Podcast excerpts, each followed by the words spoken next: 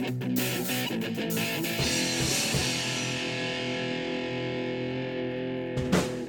hei, og velkommen til den første episoden av Musikkopplysningen. Mitt navn er Marius Kleppan. Dette er en podkast som vil handle mye om musikk og temaer rundt dette. Jeg er veldig interessert i musikk, og denne podkasten vil da være lite objektiv, og den vil være veldig farget av mine personlige meninger. I den første episoden av denne podkasten skal vi snakke litt om Grasspop Metal Meeting.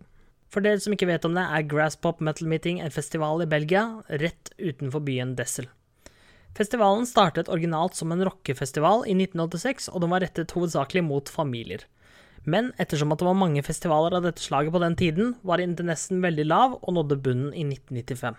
På dette tidspunktet ble da festivalen omorganisert og rettet mer mot metal-publikummet, og de har holdt det gående helt siden da. Årets utgave gikk av stabelen 21. til 24. juni.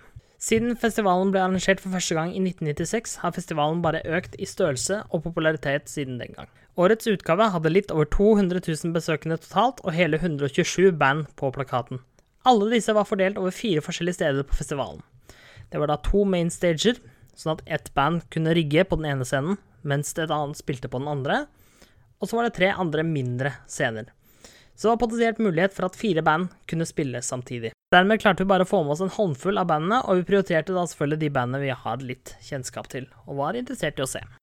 Vi dro nedover fra Gardermoen tidlig morgen den 21. juni i håp om å være inne på området tide til første band Follow the Cypher. Dette utgikk ganske tidlig da vi møtte på flere køer som tok mange timer å komme seg igjennom. I tillegg måtte vi jo selvfølgelig ha forsyninger som snacks og øl, så det ble jo litt sent da før vi fikk sett noen konserter. Men den første konserten vi fikk sett den torsdagen, det var Ghost. Ghost er kjent for å ha teatralske sceneshow, og de sviktet ikke denne gangen heller.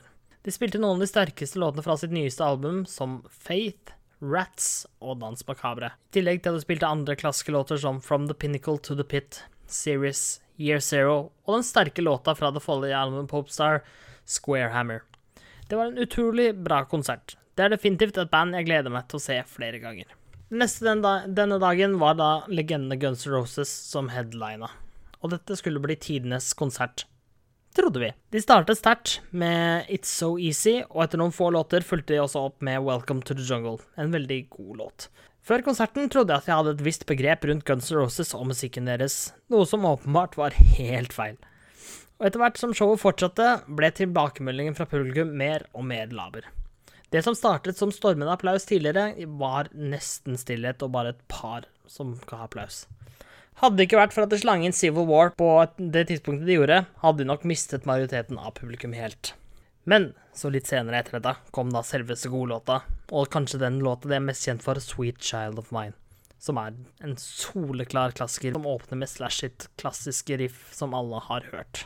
Før konserten hadde jeg sett at settet til Guns N' Roses var estimert til tre og en halv time.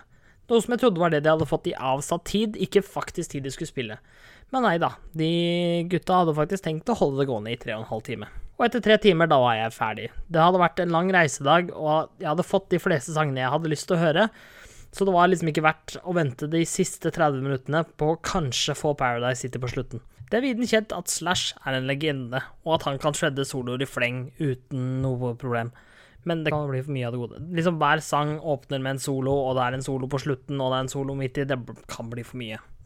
I tillegg vil jeg si at tre og en halv time er ganske langt over hva som er overkommelig for en enkel konsert, uansett hvilket band det er. Om de bare hadde spilt sine sterkeste låter og covere, hadde de fint klart seg med halvannen time og sittet igjen med et storfornøyd publikum. Dette er nok ikke et band jeg kommer til å oppsøke igjen, eh, men det er jo ikke sikkert at det får muligheten for det. Siden Slash og Axel Rose ikke har vært på godfot en god stund før de nå faktisk kom sammen igjen og satte i gang denne turneen her. Dagens høydepunkt, det var utvilsomt Ghost. Etter en overraskende kald natt var det klart for en ny dag. Det var veldig digg at det ble solgt egg og bacon inne på området, og du fikk heldigvis en god porsjon mat for 3,5 tokens, og det tilsvarer ca. 105 kroner. Jeg vil ikke si det er en gal pris, og det er jo festival, og festival er dyrt, sånn er det jo bare. Dagens første konsert var The Galactic Empire. Dette er et instrumentalband som bruker kostyme på scenen, som er rett fra Star Wars, med noen små modifikasjoner. Og de spiller da metal-coveret av instrumentalmusikken fra Star Wars-filmene. De hadde et veldig kult sceneshow, en god scenetilværelse, og det er absolutt band jeg vil anbefale, og jeg har lyst til å se selv igjen. Rett fra denne konserten gikk vi videre for å se Avatar. Avatar er også et av de mange gode metal-bandene som er fra Sverige, og Sverige er kjent for å ha mye bra. Med sitt seneste album som heter Avatar Country, opererer de med at ene gitaristen er kongen av Avatar Country. Rett før de går på scenen, annonseres det over høyttaleranlegget følgende. Det ønskes et øyeblikks stillhet. Kongen er på vei mot scenen. Glory to our king. Og rett derfra sparkes showet i gang med åpningsriffet fra Statue of the King. Avatar kan virkelig det å holde show, og de underholder i samtlige av de 40 minuttene de har tilgjengelig. Dette er et band som jeg gleder meg til å se mer av. De kunne også gjerne hatt mer enn 40 minutter, det er ganske lite. De har mye materiell, og de kunne fint ha fylt inn hvert fall en time til. Etter en liten pause i teltet med litt pilsing og litt avslapping, så var neste band ut Shinedown.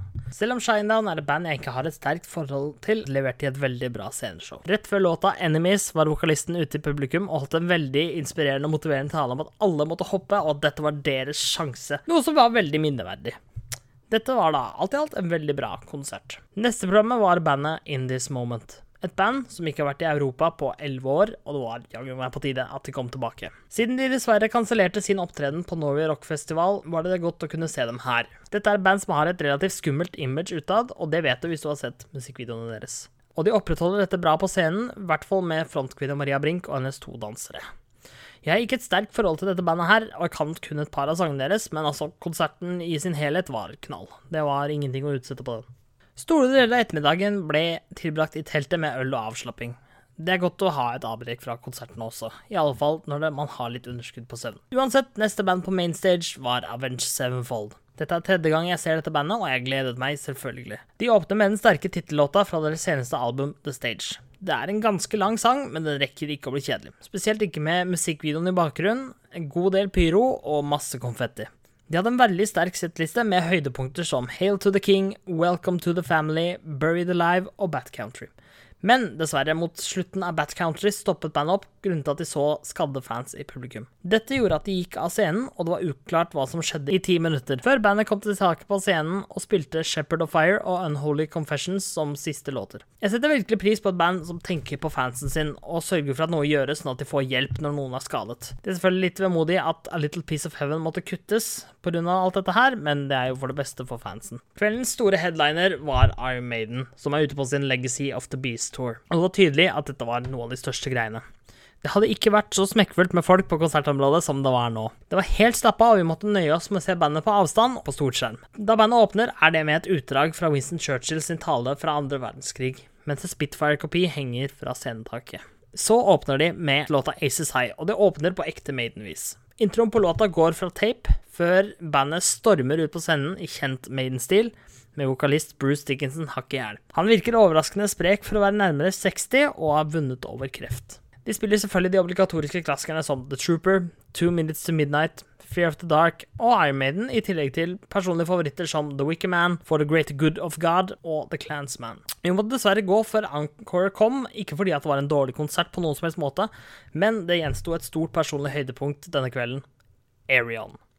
Arion er prosjektet til musiker og komponist Arien Lucassen. Prosjektet toucher innom flere sjangere som prog metal, prog rock, folk metal og mange andre sjangere. Hvert album han lager er konseptalbum, dvs. Si album med gjennomgående historier, og han hyrer inn sangere fra små og store band verden rundt, som spiller sin rolle i historien. Denne konserten er den andre offisielle konserten i Arians historie, og den aller første festivalopptredenen de har noensinne. Denne konserten skuffer på ingen måte. For en blodfan som meg selv var alt de spilte helt fantastisk. Det er vanskelig for meg å plukke ut høydepunkter fra settlista, men jeg vil trekke fram én låt, og det er Sail Away to Avalon, som da hadde med vokalist Barry Hay fra Golden Earring, med vokalist Barry Hay fra bandet Golden Earring. Når man tror låta er over, skifter plutselig bandet over til å spille Golden Earrings store hit Raid the Love, og dette er da selvfølgelig et velkomment tilskudd. Hele settet avsluttes med Star One-låta The Eye of Ra, hvor alle involverte kommer ut til scenen på slutten og synger i harmoni, som noe som er en fantastisk måte å avslutte det hele på. Hele marquis-scenen, som holder opptil 15 000 personer, var spekkfullt, og folk virket veldig fornøyde med konserten. En morsom detalj på slutten var at vokalist Damien Wilson crowdsurfa helt fra scenekanten og ut av marquis-teltet. Folk stilte seg da opp langs veien og holdt han da opp i luften. Det var ganske kult å se på. Og dette er slutten på de to første dagene på Grasspop. De to siste dagene kommer i en del to, og den skal jeg få ut så snart som mulig. Jeg må bare få skrevet den ferdig først. Jeg vil avslutte med en musikkquote som kommer fra reggae-artisten Bob Marley. Den lyder følgende. One good thing about music. When it hits you, you feel no pain.